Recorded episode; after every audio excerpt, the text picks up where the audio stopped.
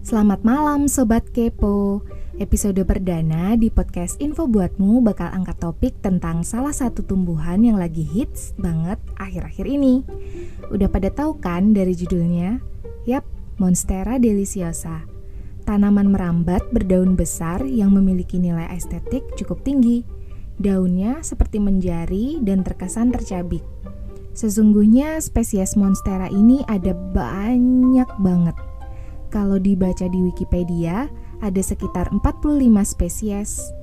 Nah, kebetulan yang banyak beredar di Indonesia ini spesies Monstera deliciosa. Aku bukan lulusan jurusan biologi, dan aku tahu kalau kalian bakal anggap ini nggak terlalu penting. Tapi menurutku nggak ada salahnya buat kenalan sama silsilah si daun besar merambat ini. Anggap aja kita lagi nostalgia sama pelajaran biologi. Oke. Monstera termasuk dalam kingdom Plante, divisi Angiospermae atau sering kita sebut tumbuhan berbunga dengan biji tertutup.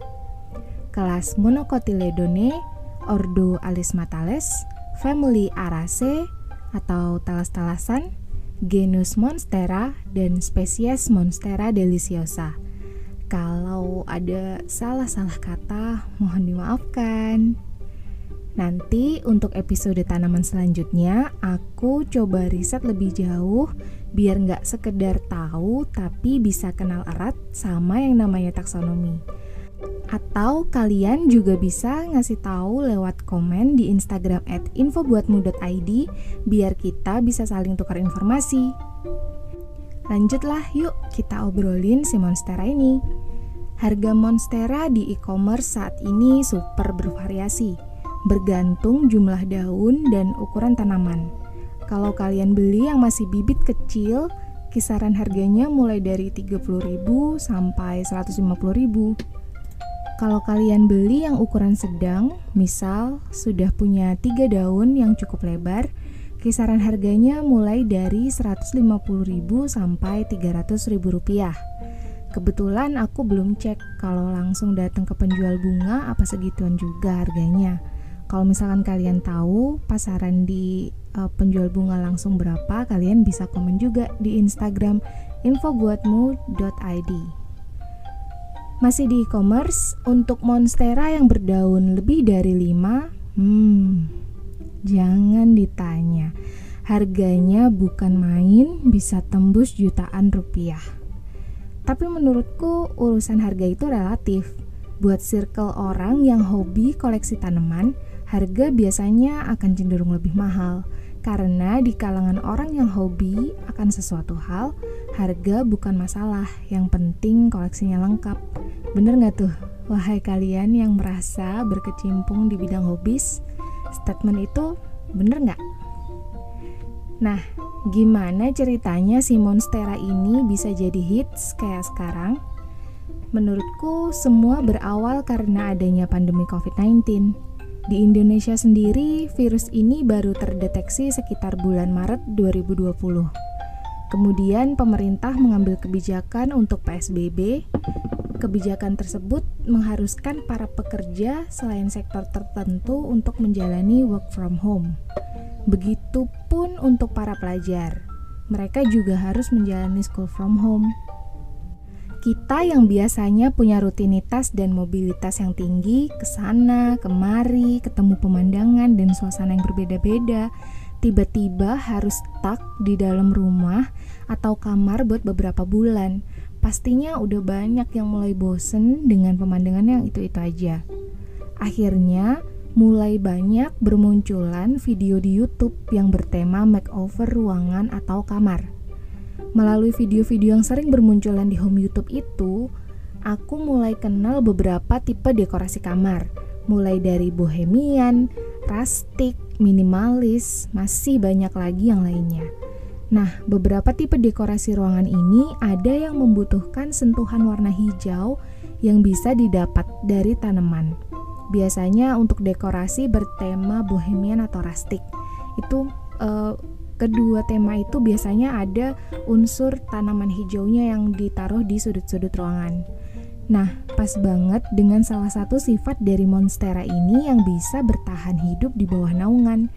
Karena di daerah asalnya, monstera ditemukan di area hutan tropis dengan pohon-pohon yang tinggi menjulang, sehingga area di bawahnya ternaungi dari cahaya matahari.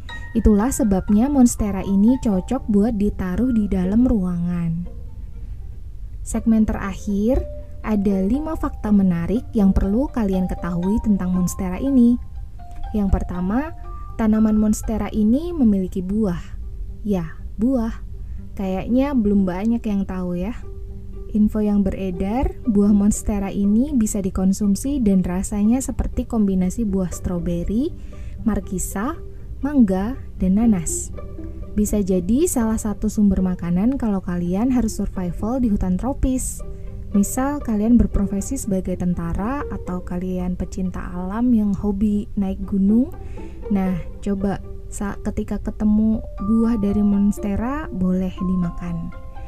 Yang kedua, daun monstera yang terkesan tercabik-cabik ini ternyata punya fungsi untuk melindungi diri dari derasnya hujan di hutan tropis itu semacam uh, dia sudah beradaptasi dengan lokasi tempat tinggalnya ya karena hujan di hutan tropis rata-rata curah hujannya sangat tinggi. Jadi si daun yang terkesan tercabik ini sebenarnya berfungsi untuk melindungi dirinya. Yang ketiga, monstera bisa tumbuh merambat sampai 20 meter.